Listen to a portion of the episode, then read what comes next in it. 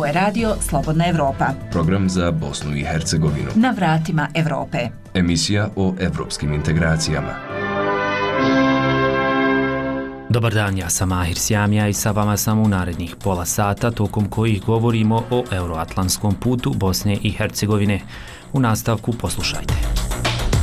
Predsjedništvo Bosne i Hercegovine je zadužilo vijeće ministara da u roku od šest mjeseci u suradnji sa nadležnim agencijama i drugim institucijama pripremi i dostavi na usvajanje novu sigurnosnu politiku Bosne i Hercegovine. Taj nalog predsjedništva prema vijeću ministara nikad neće biti usvojen sve do onog momenta dok se zaista ne izradi neki strateški dokument koji ako dođe na dnevni red, dakle, da se formira grupa i tako dalje, već tada ćemo imati zapravo zauzimanje pozicija. Ekstremni desničari Balkana, ujedinjeni protiv NATO-a, Evropske unije, migranata i LGBT osoba. Nalazi su pokazali da su desničarske grupe vrlo prilagodljive te prilično vješte u manipuliranju digitalnim platformama kako bi doprli do ranjivih korisnika i maksimizirali efekti doseg svojih ksenofobnih narativa. Bosansko iskustvo u minskim poljima Ukrajine. U ovom procesu do sadašnjem smo mi izvršili obuku negdje oko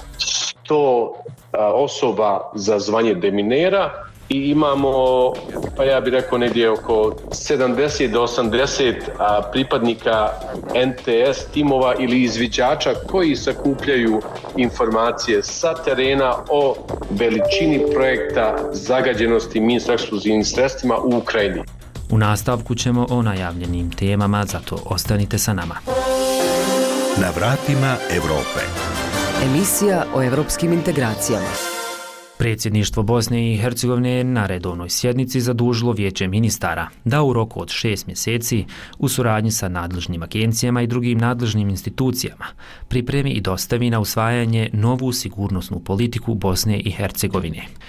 Zašto se čekalo 18 godina na novu politiku da li će biti usvojena, da li će biti koherentna sa EU i NATO integracijama ove zemlje, te koji su novi sigurnosni izazovi Bosne i Hercegovine za radio Slobodna Evropa, govori dekan Fakulteta političkih nauka Univerziteta u Sarajevu, profesor Sead Turčalo. Profesore, hvala vam što govorite za Radio Slobodna Evropa. Prošlo je 18 godina od usvajanja sigurnosne politike Bosne i Hercegovine. Zašto se toliko dugo čekalo? Pari u tome da je sigurnosna politika zaista jedan važan strateški dokument koji onako na jedan koherentan način da prvo definiše da tako kažemo šta su to naše neke sigurnosne izazovi, opredjeljenja i tako dalje i imajući u vidu upravo zbog te važnosti tog dokumenta imajući u vidu naše unutrašnje strukture ra vrlo uh, divergentna gledišta i na pitanja i sigurnosti izazova i same države ono što se postiglo 2006. godine bio, bila neka vrsta očigledno vrhunca i niko nije bio spreman da se upusti, da tako kažemo, kolokvijalno da raspakuje taj dokument na način da počne raditi na novoj sigurnosnoj politici. Činjenica da je u ti 18 godina se desili takvi geopolitički lomovi, promjene, da su se pojavili potpuno neki sigur, novi sigurnosni izazovi koji su nama bili prilično strani, nepoznati, da je tu nešto što bi trebalo, da tako kažem, ako gledamo iz neke profesionalne perspektive, iz perspektive nekog ko istražuje i bavi se sigurnošću, da bi, to, da bi taj dokument bilo potrebno ažurirati. Šta podrazumijeva sigurnosna politika? Pa sigurnosna politika kao takva, pošto je dokument strateški narav, ona se uvijek prilično, pa je ova naša koja je dakle, već punoljetna, definiši prilično široko, pa negdje u tim nekim interpretacijama, on je više većinu sigurnosnih prijetnih izazova možete, možete ubaciti. Istovremeno istovremeno e, definirala neka naša tada, da tako kažemo, opredjeljenja, oko koji je u tom periodu postojao praktično e, postojala veća suglasnost, dakle 2006. nego danas, tu prevasodno mislim na Sjeveroatlantski savez, NATO kao takvu političku vojnu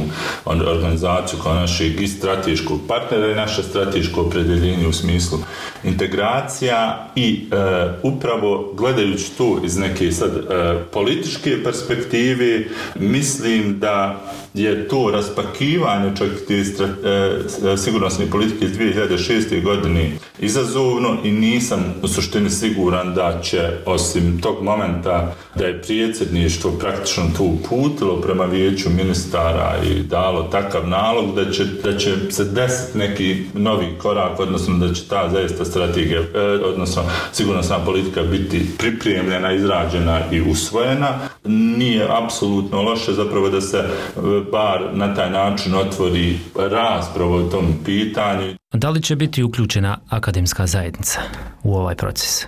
U suštini da bi se razvio strateški dokument. Kad se razvija strateški dokument, na njemu bi trebale prethoditi ozbiljne analize, istraživanja, prvo analize u smislu da zaista analiziramo da su tu neki ključni, da tako kažemo, sigurnosni izazovi e, s kojima se susrećemo i možemo susresti, a isto tako, dakle, šta su to, da tako kažemo, neki potencijalni odgovori na te sigurnosne izazove. Obzirom da mi nemamo jedinstvenu metodologiju procjene sigurnosti u Bosni i Hercegovini, nego praktično svako iz svog domena i nekom svojom vlastitom, prilično maglovitom metodologijom vrši tu procjenu, malo je tu komplikovano prikupiti te podatke od odgovarajući agencija i analizirati ih, stvar kod sigurnosne politike ili strategije nacionalne sigurnosti da ona bi trebala održavati realno stanje. Da li znamo e, što se revidira? Koji su to novi sigurnosni izazovi? Stavno, ona se davno trebala revidirati. Sigurnosne politike bi se trebale na neki način usvajati da budu tu, dakle, u nekom srednjoročnom periodu, da se u tom srednjoročnom otprilike nekom periodu, periodu mijenjaju, ažuriraju, ažuriraju, da kako bi pratili zapravo različite, različite sigurnosne izazove. Mi, ako sad uzmijemo samo područje cyber sigurnosti, dakle, to je nešto što je apsolutno pitanje koje može biti Znači, biti i takako ključna cyber sigurnost i e, generalno kad govorimo o upravljanju e, internetom iz te neke govorimo sigurnosne perspektivi. Pojavljuje se naravno u, upravo u kontekstu te cyber sigurnosti artificijalna inteligencija koja će nam isto zapravo predstavljati neki, da tako kažemo, novi izazov. Naravno, neke stvari koje bi se trebale tu naći poput e, malignih stranih utjecaja e, i slično, nisam siguran da se može postići zapravo politički konsenzus oko toga, zato zbog tog nedostatka političkog konsenzusa oko ti nekih pitanja od e, Sjeveroatlantskog savza pa nadalje nisam zapravo siguran da ćemo dobiti neki novi dokument u nekoj bližoj budućnosti. E, da se vratimo na pitanje usvajanja. Znamo da u sadašnjoj vlasti sjede ministri koji zastupaju politiku gospodina Milorada Dodika, koji nije za integraciju Bosne i Hercegovine u NATO. E, da li je moguće da se NATO izbaci iz nove sigurnosne politike? Neće se izbaciti samo zbog same činjenice što se takva sigurnosna politika ne bi mogla usvojiti. Dakle, ne bi, e, nisam siguran da bilo ko, da tako kažemo, da sjedi u vijeću ministara Bosne i Hercegovine i dolazi, da tako kažemo, iz te političke kvote e, Bošnjaka da bi bio spreman da podrži dakle, sigurnosnu politiku bez tog elementa, budući da znamo kako se odlučuje u vijeću ministara, onda tu ne bi bilo moguće. Čak nisam, nisam apsolutno sam ubiđen da takva sigurnosna politika i kad bi se izradila u, e, takva u tom, ne bi čak mogla doći ni na dnevni red zbog načina kako se zapravo utvrđuje, utvrđuje dnevni red. I to su zapravo to su neki ključni razlozi zbog koji ja smatram da taj nalog, e, nalog predsjedništva prema vijeću ministara nikad neće e, biti, odnosno e, neće biti usvojen sve do onog momenta dok se zaista ne izradi neki strateški dokument prava, ali ako dođe na dnevni red, dakle, da se formira grupa i tako dalje, već tada ćemo imati zapravo zauzimanje pozicija, ti neki, da tako kažemo, pregovaračkih, šta tu će bi mogli biti elementi, koji bi se elementi, koji element se ne želi, koja strana da vidi u tom dokumentu i onda se zapravo to pitanje e, pre, e, odlazi iz tog područja strateškog, sigurnosnog, realnog, tako kažemo, pipljivog nekog u sferu političkog, gdje će postati zapravo predmet političkih nesuglasica oko nekih strateških pitanja vezanih za Bosnu i Hercegovinu i naravno i sigurnost. I za kraj koliko ova nova sigurnosna politika mora biti komplementarna sa zajedničkom vanjskom i sigurnosnom politikom Evropske unije. Primjerice, svjesni smo da su neke ruske diplomate protjerane iz Evropske unije, a danas sjede u ruskoj ambasadi u Sarajevu. Generalno mi smo već ono, od onog trenutka kada smo potpisali ovaj, sporazum o stabilizaciji pridruživanju, a pogotovo nakon što nam je dat kandidatski status, jer smo ga mi tražili u Evrop, za Evropsku uniju, preuzeli obavezu da našu vanjsku politiku, e, sigurnost tako dalje, usklađujemo sa vanjskom politikom Evropske unije. Naravno, isto, istovremeno smo vidjeli da tu saglašavanje nekim slučajevima ne ide upravo zbog nepostojanja unutrašnjeg koncensusa oko nekih pitanja, poput e, pitanja i e, ruske agresije na Ukrajinu i tako dalje, ali je Bosna i Hercegovina tamo gdje je gotovo moglo, e, gdje se moglo odlučiti bez, dakle, da kažemo, tog upliva proruskih političkih snaga iz Bosne i Hercegovine, bila zapravo na strani međunarodnog prava i jasno se pozicionirala protiv dakle, agresije, ruske agresije na Ukrajinu. Sama sigurnosna... A da, da li smatra da je to bilo simbolično? Ne vidimo ovdje neke sankcije. Mislim da su implementirane u... Da mislim, tamo gdje god e, postoji potreba da e, se konsenzualno odluči o nečemu, ta, nečemu takvom poput sankcija, tu nije bilo moguće. Tamo gdje, gdje se moglo djelovati dakle, zaista na bazi činjenici e, da smo obavezni da usklađujemo dakle našu vanjsku politiku sa vanjskom politikom Evropske unije to smo to smo radili. Što se tiče same sigurnosne politike naravno ona njena narav pošto je strateški dokument i nije takav da će moći neka specifična pitanja pitanja definirati ili dovesti do toga da se evo, e, spriječi poput ovoga što ste spomenjali e, vezano za, za strane diplomate koji su nekim drugim zemljama članicama NATO proglašeni personama non grata, ali pošto se radi o strateškom dokumentu, iz njega proizilaze i akcioni planovi i sve drugo, dakle, oni bi trebali zapravo kroz akcione planove prepoznati se istovremeno, istovremeno e, područja gdje su potrebno napraviti poboljšanja kako bi se zapravo ne bi dešavali takve vrste e, sigurnosne, da tako kažemo, e, propusta.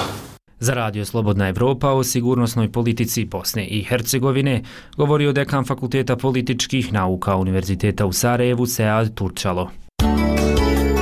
Slušate program radija Slobodna Evropa.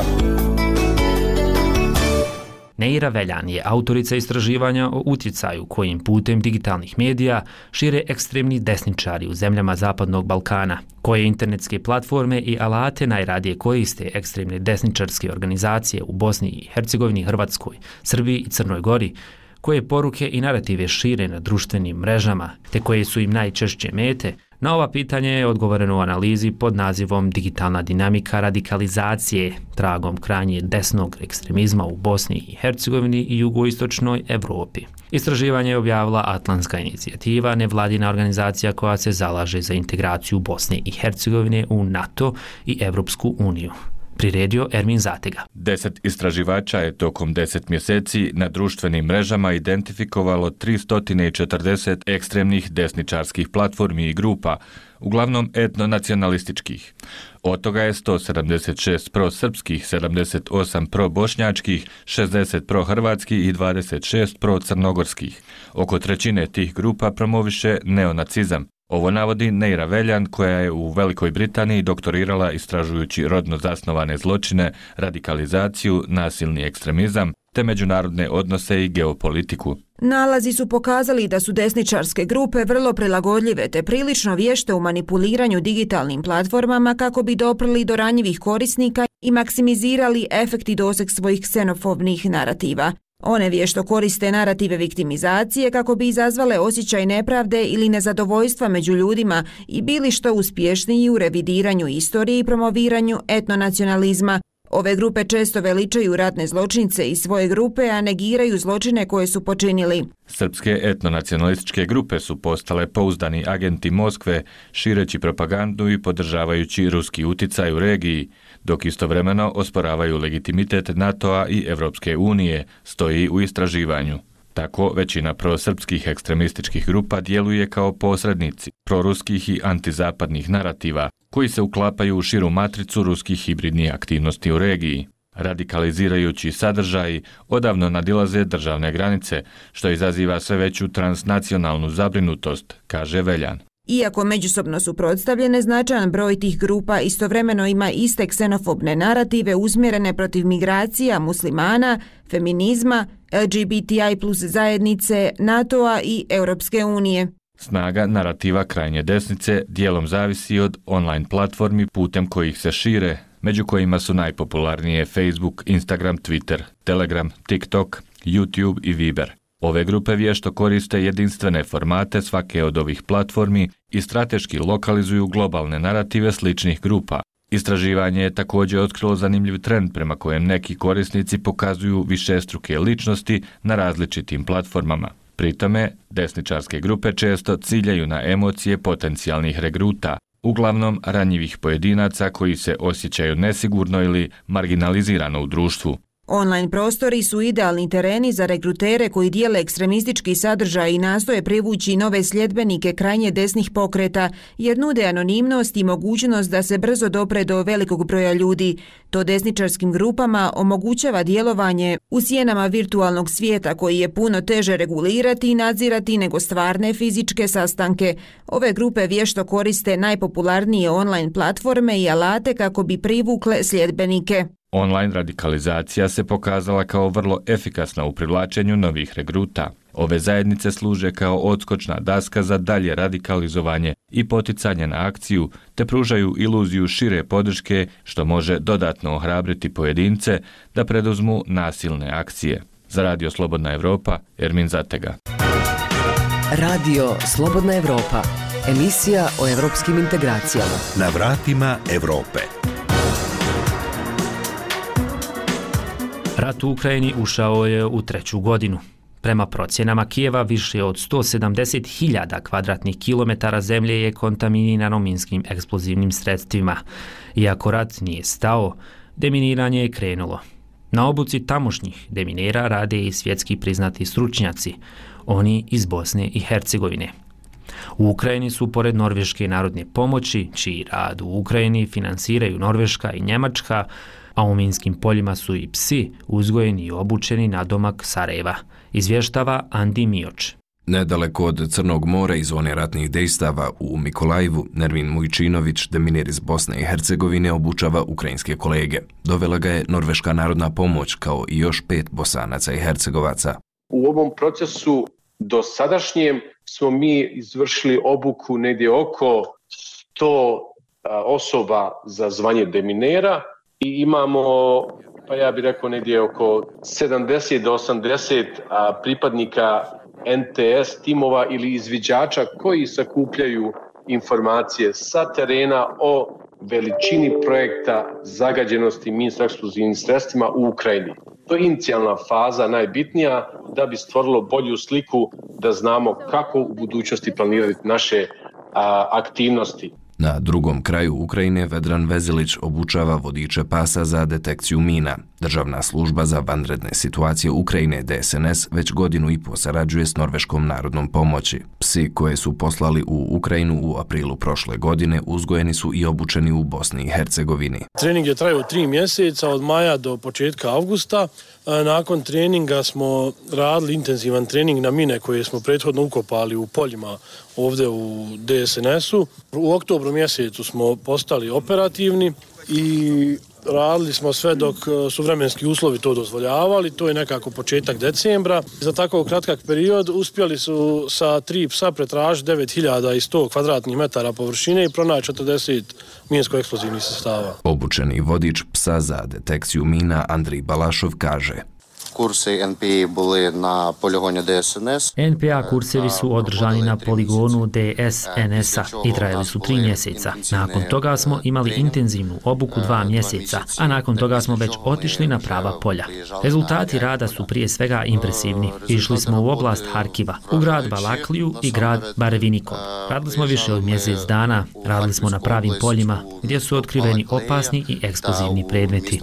Taj pas je pronašao dva eksplozivna predmeta, bilo je impresivno. To je bilo uražajuće. Iskustva i vještine stručnjaka iz BiH su cijenjeni u svijetu deminiranja, a NPA je jedna od prvih organizacija koja je došla u misiju deminiranja Ukrajine, govori šef pirotehničkog odjela DSNS-a Oleg Boško. Nam uh, trapilась така можливість Imali smo priliku posjetiti Bosanski kinološki centar, koji već dugo pratimo. Jako smo željeli raditi s njima. Vidjeli smo ih i preko društvenih mreža gdje rade u Kambođi, Afganistanu, Siriji, i stvarno smo to željeli jer je ovaj pravac za nas novi i stvarno, stvarno nam trebaju ovi psi za Ukrajinu upravo sada.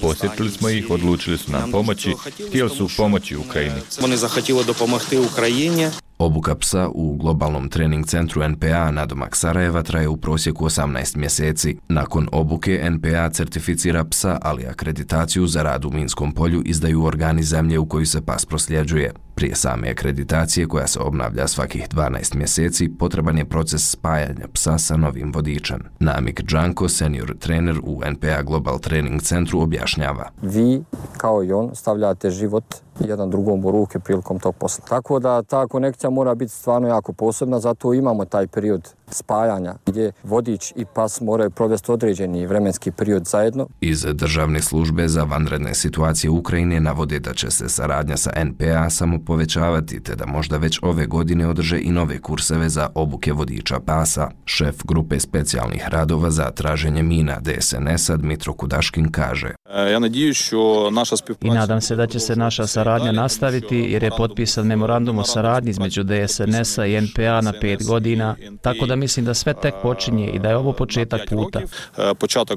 Prema procjenama ukrajinskih vlasti, dvije godine rata punih razmjera ostavile su 174.000 kvadratnih kilometara površine kontaminirane minama. O procesu deminiranja Ukrajine govore Vedran Vezilić i Nermin Mujčinović, tehnički savjetnici NPA. Kad pogledate Bosna i Hercegovina 30 godina poslije rata i dalje nije deminirana, kad uporedimo da je recimo Ukrajina pa skoro pa 12 puta veća od Bosne i Hercegovine, iz mog ličnog iskustva mislim da će proći desetine godina da se sve razminira, nažalost. Mali možda dodatak kompletnom procesu, da ću ja lično dati svoj maksimum da je taj proces vremenski smanjim na minimalnu okviru svojih mogućnosti i nadležnosti. Osjećam povezano sa zemljom Ukrajinom zato što oni prolaze kroz nešto što sam ja davno već prošao i moja zemlja. Prema podacima iz prošle godine, 860 kvadratnih kilometara ili 1,69% Bosne i Hercegovine je i dalje minirano. Za Radio Slobodna Evropa iz Sarajeva, Andi Mioč.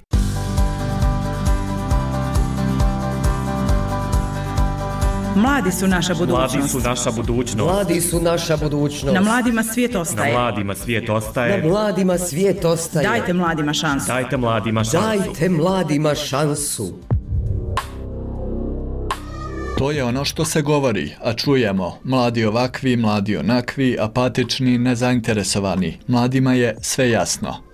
Oni u suštini razumeju da se njima ovde niko ne bavi, da su oni ovde, kako da kažem, trenutno su glasačko telo, a u slučaju frke mogu da budu i topovsko meso, pa to, ili si meso ili si telo, Da li se glas mladih čuje? Bosna nije, nije zemlja gdje se da nekako mladima puno prilika, ne da im se do znanja da mogu imati glas, da nose glas, da su bitniji. A šta nam oni mogu ponuditi? Halo, ljudi što slušate ovo, ako vas mogu ponuditi jednom glumom od koje ja živim. Jedan podcast nudi im da kažu ko su i šta rade. I tada mi je rekao fizički interspolna osoba. E ja gledam u njega, mislim, ono, ja gledam u njega, čovjek gleda u mene i ono, ja ne znam uopće, mislim šta sam, ono. Slušajte nas svake subote na podcast aplikacijama. Sindikati koji okupljaju zaposlene u osnovnom i srednjem obrazovanju Hercegovačko-Neretvanskog kantona već mjesecima prijete generalnim štrajkom, tražeći povećanje plata. Od daljnjih sindikalnih aktivnosti odustali su sindikati policije i državnih službenika, pa se nameće pitanje da li je konačno na dnevni red došlo pitanje takozvanog duplog obrazovanja u HNK kantonu. S obzirom na to da su već na prvi pogled procenti izdvajanja za školstvo daleko veći od onih u zemljama Evropske unije. Odgovore traži Mirsad Behram. Generalni štrajk zaposlenih u osnovnim i srednjim školama Hercegovačko-Neretvanskog kantona nije isključen. Ponovili su ovih dana iz četiri sindikata koji okupljaju prosvjetare. Oni se još od decembra prošle godine protestima i štrajkovima upozorenja bore za povećanje primanja. Neke od najvažnijih zahtjeva iznio je predsjednik sindikata srednjih škola na hrvatskom jeziku Josip Milić. Naši razlozi su povećanje plaće, isplata federalne pomoći koju je federalna vlada omogućila za pomoć u inflaciji, zatim raspisati natječaj na neodređeno vrijeme, zatim napredovanje u struci, jer smo jedina županija koja to nema, povoljnije umirovljenje, Međutim, iz vlade HN kantona šalju signale kako nastoje očuvati održivost kantonalnog budžeta. Na nedavnoj sjednici Skupštine HNK, na kojoj je bilo riječi o budžetu, premijerka Marija Buhač iz HDZ-a BiH kazala je kako usvojeni budžet osigurava finansijsku stabilnost i likvidnost HNK u 2024. godini. Buhač je naznačila kako su kroz budžet za ovu godinu već osigurana povećanja primanja korisnicima kantonalnog proračuna. U tom kontekstu bi istakla da je u ovom proračunu osigurano dodatni 23 miliona maraka za plaće i naknade, odnosno doprinose na plaće za proračunske korisnike, jer znamo da su ranije preuzete obveze po kolektivnim ugovorima. Radi se o kolektivnim ugovorima koje je sa sindikatima budžetskih korisnika potpisala prethodna vlada HNK. Također premijerka HNK Marija Buhač je istakla da se navedena povećanja odnose i na oblast prosvjete. Tu bi istekla da je samo na osnovnim školama povećanje plaća 10 miliona maraka po novim kolektivnim ugovorima, u srednjim školama 2,5 miliona maraka. Iz vlade HNK je također saopćeno da su svi kolektivni ugovori u obrazovanju potpisani tokom prošle godine i da vlada u cijelini ispunjava preuzete obaveze iz tih ugovora. Međutim, sindikalni predstavnici tvrde da razloga za štrajk ima i mimo kolektivnih ugovora. Kao primjer navode prošlogodišnju odluku vlade Federacije BiH o isplati jednokratne pomoći od 2500 maraka, što u HN kantonu još nije realizirano. Predsjednik sindikata srednjih škola na hrvatskom jeziku Josip Milić. Znamo da je zapadno hercegovačka vlada isplatila, da je Bihačka isplatila, znači 1250 maraka u zapadno hercegovačkoj će za uskrs isplatiti drugu tranšu, tako da znači vlada to može ako hoće, nema to veze s kolektivnim ugovorom. Iz sindikata podsjećaju i da u kolektivnom ugovoru, koji je na snazi do 2025. godine, stoji da zaposleni imaju pravo na sistematski pregled svake tri godine. Sindikati tvrde da je zadnji bio 2010. godine. Predsjednica sindikata srednjih škola na bosanskom jeziku u HNK, Edina Čomić, navodi još jedan primjer nepoštivanja važećeg kolektivnog ugovora. Naš topli obrok iznosi 1% prosječne plaće, on već nije 1%, nego je niži, a vlada je donijela odluku za cijelu 24. godinu i blokirala ga na tom iznosu. Čomić je, govoreći o zahtjevu za povoljnijim uslovima penzionisanja prosjetnih radnika, uz ostalo dodala. Naša vlada i ako cijela država i oni koji mogu mijenjati zakone misle da jedan profesor treba otići u penziju koja je duplo manja od jednog penzionisanog policajca, onda neka tako ostane. Sindikalni predstavnici tvrde i da se na njihovo članstvo vrše pritisci. Kako do štrajka ne bi došlo. Predsjednik sindikata srednjih škola na hrvatskom jeziku Josip Milić za pritiske je tako reći prozvao ministra obrazovanja HNK Adnana Velagića. Tako da je neke direktore iskoristio da bi s njima vršio nasilje nad, nad profesorima da se ne pojave ovdje. Ministarstvo obrazovanja HNK odgovorilo je saopćenjem za javnost u kojem se uz ostalo optužbe o pritiscima na sindikat označuju kao grube i neistinite kvalifikacije kao i da su, citiram, izraz nemoći pojedinih sindikalnih aktivista da ubijede svoje članstvo o neophodnosti ovakvih protesta. Završen citat. Opširno saopćenje za javnost objavila je vlada HNK u kojemu zostalo stoji kako vlada neće davati neodrživa obećanja za ono za šta nema finansijsku podlogu. U saopćenju vlade stoji kako u HN kantonu ima 78 škola, od čega 49 osnovnih i 29 srednjih, kao i da je ukupan broj zaposlenih u tim školama oko 3080 radnika. Treba podsjetiti da je HNK poznat po fenomenu duplih i takozvanih dvije škole pod jednim krovom. Tako postoje u Mostaru srednje škole, prometna i saobraćajna, na primjer ili dvije medicinske škole, zatim gimnazija sa nastavnim programima posebno na hrvatskom i bosanskom jeziku, dvije građevinske škole i tako dalje. Iz vlade HNK su naveli da se preko 35% ukupnog kantonalnog budžeta izdvaja za plate u obrazovanju. Prema ranijim podacima nevladinih organizacija, oko 88% budžetskih sredstava namjenjenih obrazovanju u BiH se izdvaja za plate i naknade zaposlenim, dok su u zemljama Evropske unije izdvajanja za troškove plata zaposlenih između 60 i 70%. Za Radio Slobodna Evropa iz Mostara, Mirsad Behram. Bilo je to sve što smo pripremili u ovom izdanju emisije na vratima Evrope. Ostali naše sadržaje možete naći na web stranici slobodnaevropa.org, dok podcaste za vidi ispod površine glasom mladih i između redova osim na web sajtu, potražite i na našim društvenim mrežama, kao i na platformama Spotify, Google podcastima i iTunesu. Sa vama su u proteklih pola sata bila Vesna Jelčić i Mahir Sjamija. Puno pozdrava!